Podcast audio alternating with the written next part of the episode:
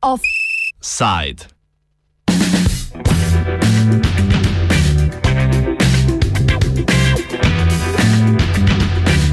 Lula Livre.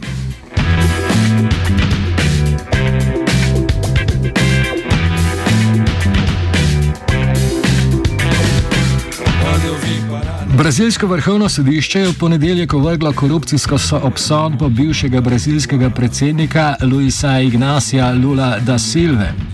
Lula, ki je najdominantnejša brazilska politična osebnost zadnjih 20 let, je največjo državo in gospodarstvo Latinske Amerike vodil med letoma 2003 in 2010, v času ekonomske konjunkture.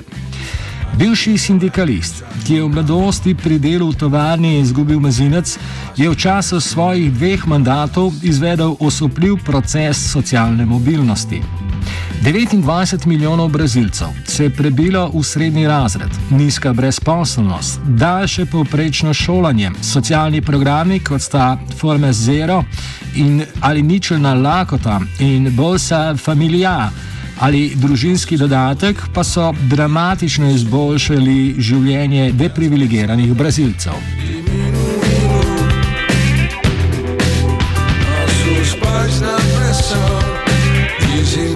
Kljub temu je njegov prihod na oblast zgodba o kompromisih. Trikrat je neuspešno kandidiral za predsednika, dokler ni prilagodil svojega tona, omilil svojih radikalnejših eh, pogledov in sklenil dogovora s predstavniki interesov kapitala. Po končani politični genezi je obveljal za enega konzervativnejših latinskoameriških levičarjev. Izjavil je, da bi Jezus, če bi prišel v Brazilijo, moral skleniti dogovor tudi z Judežem.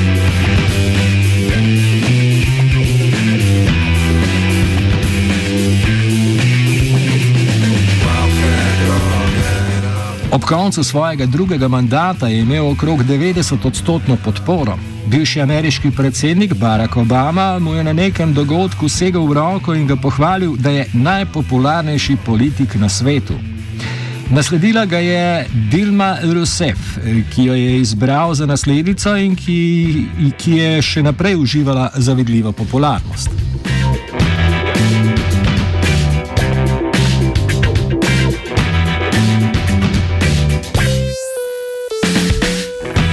Potem pa je po padcu cene surovin na svetovnih trgih leta 2015 prišla ekonomska kriza. Kompromisni politični ekvilibrium, eh, ki je obstajal med delovsko stranko Dilme Rousseff in Lule na enim ter interesi privilegiranih elementov brazilske družbe na drugi, je temeljil na gospodarski rasti. Nezadovoljstvo se je manifestiralo v izrazito antikorupcijskem razpoloženju. Pojasni profesor Anthony Pereira iz londonskega King's College. People get angry about corruption when the economy is bad. They, they're more likely to turn a blind eye when things are good for everybody. So the fact that there was this deep recession in 2015, 2016, and the economy shrank, um, that was an important factor, I think, in the anger about corruption and the the movement to uh, impeach Dilma Rousseff uh, and associate her somehow with corruption, even though, uh, you know, I think her association with corruption was more of an omission rather than commission. There was no evidence that she was personally corrupt, but she was on the council of Petrobras when Petrolao was going on. So I think I think the, if you read most of the analysis of corruption in Brazil, people agree that the the Petrolao, the, the scheme in Petrobras, which was basically um, you know kickbacks, con- uh, so bids for contracts that were over that were inflated, where the money was then kicked back to finance political campaigns. It went to parties and it went to candidates, and some of it went to executives in the company. Um, that that was a long-standing scheme. That that was something that predated uh, Workers' Party rule and it was something that went on under the Workers' Party presidents Lula and Dilma.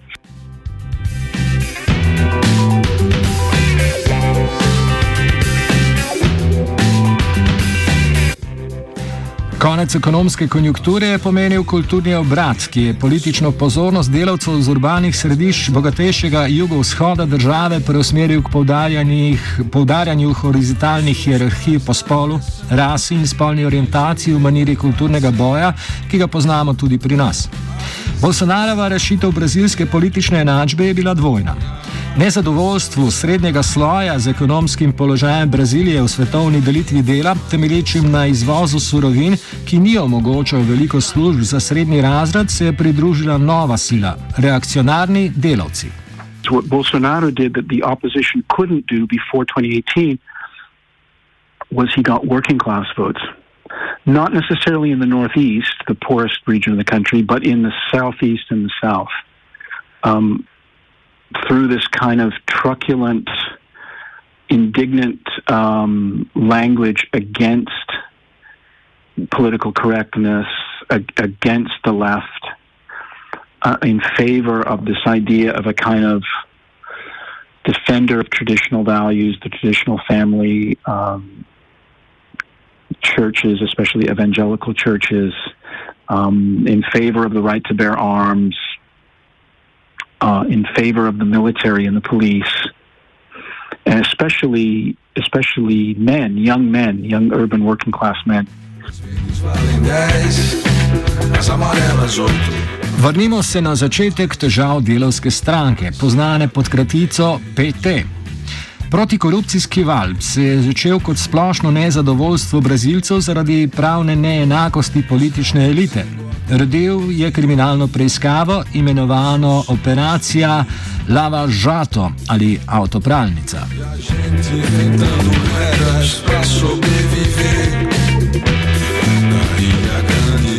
Marca 2014 se je v policijski preiskavi znašlo več pomembnih brazilskih politikov, med njimi tudi Lula.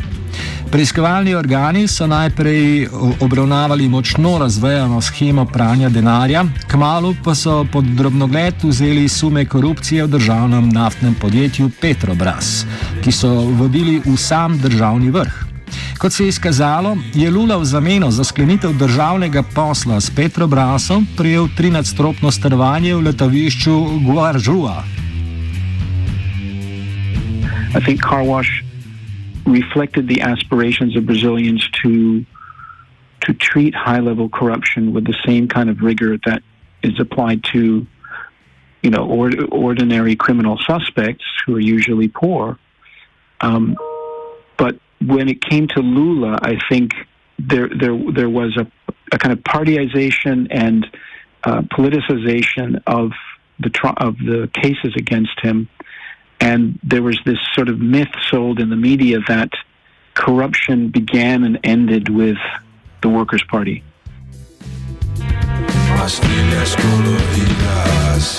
Lula je bil leta 2017 v enem izmed ločenih postopkov zaradi korupcije obsojen na 12-letno zaporno kazen.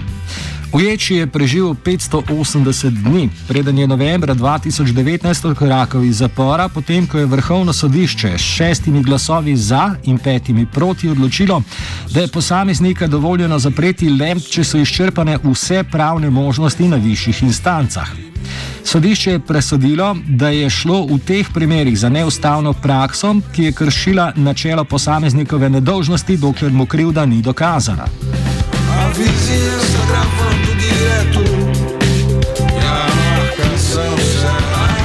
Da je avtopralnica, oziroma da je imela avtopralnica politični preizkus, se je najbolj izkazalo pri sodniku, ki je obravnaval Lulo, Seržiju Moru. Moro je trenutno zaradi pristranskega sojenja predmet preiskave vrhovnega sodišča. There's lots of evidence that uh, Moro did not act impartially as a judge in in that. It, just focusing on the on the triplex one, um, and why? What what is the evidence? Well, there's the Vaza Jato, the leak of the leaks of the messages between Deltan Dallagnol and a prosecutor, um, showing that Judge Moro was guiding the prosecutor and, and recommending what he should say uh, he, you know, he crossed the line. He, he shouldn't have done that as a judge. Um, and that's why the Supreme Court right now is considering um, ruling that he he was uh, partial. Um, so they've just had a they've had a two to two vote in one of the subsections of the Supreme Court. There, one of the judges needs more time and has said he's he, he's not ready to vote. But um, that is also based on this evidence that Moro uh, behaved improperly. And another thing is that two years before 2018, he said that he would never take a political appointment because he wanted to preserve the integrity of car wash. But lo and behold, in 2018, after he had convicted Lula and after the sentence had been upheld at the second in, at the appeals stage, and, and Lula had gone to prison and he'd been ruled out of uh, running in the election of 2018, he took an appointment from Bolsonaro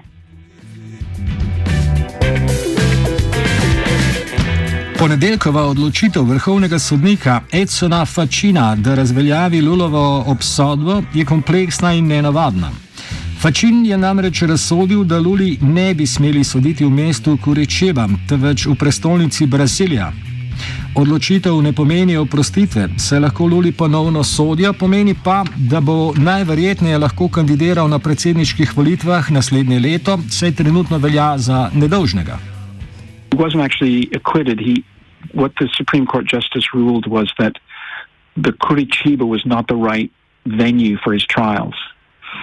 So it, sh- it should have been, the jurisdiction should have been Brasilia because what he was accused of didn't happen in Curitiba. It, it's a very weird decision in a way because, you know, Lula's lawyers had been asking to move the jurisdiction since 2016, so five years ago.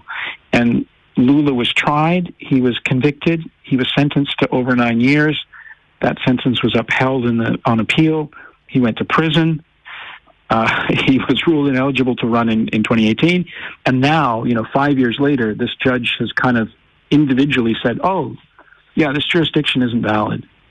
Uh, so he's now got all his political rights back. Um, it, it, shows the arbitrary nature of the of the justice system in a little bit. It, his fellow judges could review this, but it's unlikely that they would overturn the decision. I think because at least from what I'm, you know, I'm not a specialist in Brazilian law, but I read commentators and they say it's unlikely that they would overturn it because they've already accepted this idea that the jurisdiction uh, should be Brasilia for, for these kinds of things because he was these were things that happened when he was president. He was he was in Brasilia. Um, it doesn't mean that he's been acquitted. It means that the cases all could be retried. So there's no double jeopardy in the Brazilian system. You can be acquitted at one level and you can be tried again at the, the higher level. So, so they could introduce these cases again in in uh, Brasilia, but they would start from scratch, and it takes so long that it's very unlikely they can be convicted twice before the 2022 election. So I, th- I think he is a viable candidate. Preklic Lulove obsodbe ima pomembne nastavke za prihodnost brazilske politike. Lula je po nekaterih anketah popularnejši kot Bolsonaro in njegov prvi nastop je imel spravljiv podton. A je pred njim izziv, kako znova doseči nekdanjo popularnost. What Lula is now trying to do, because I listened to his his talk yesterday, it was about 80 minutes long. I think he's trying to now say, um, you know, I had a record as a as a president that involved economic growth and social inclusion. Um, I can build a broad alliance. I talked to everybody. He talked to you know he said he said he was a radical, which meant he you know he goes to the root of problems. But he also said I talked to business people. Business did well under under my presidency.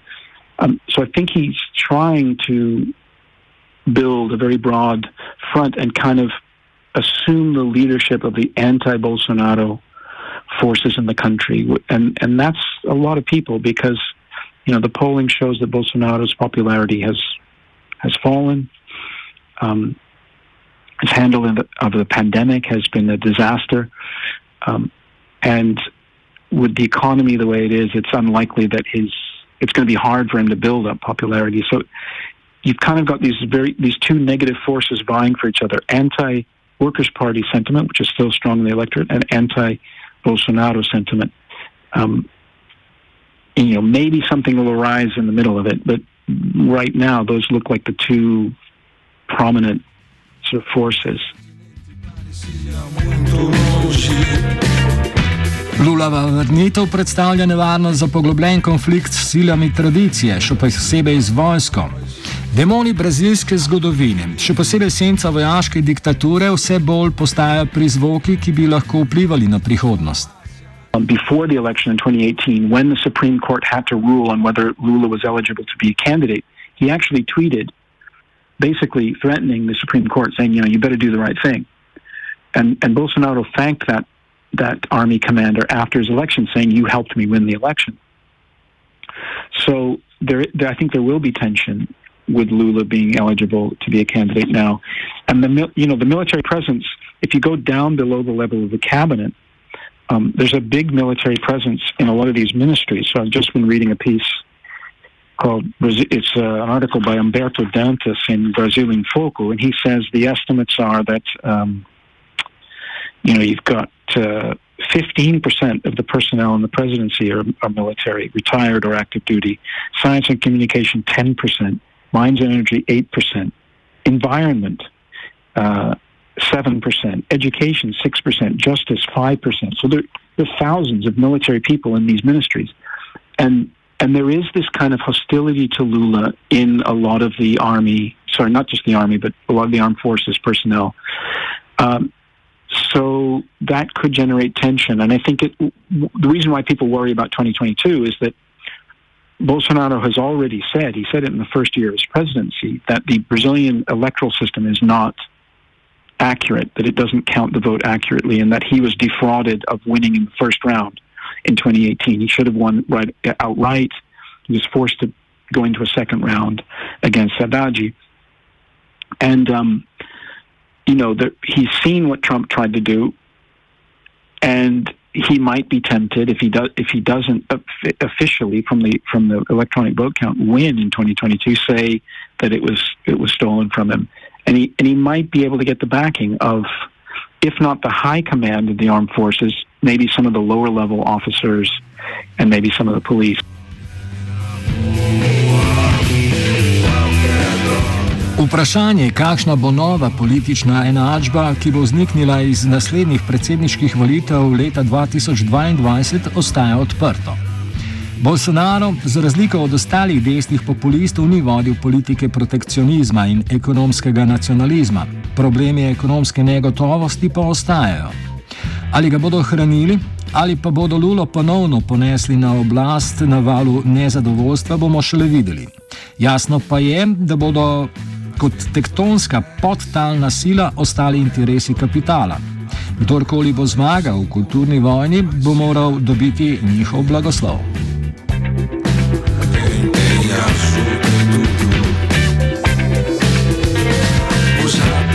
Offset je pripravil vajenec Petar, mentoriral je Fabian.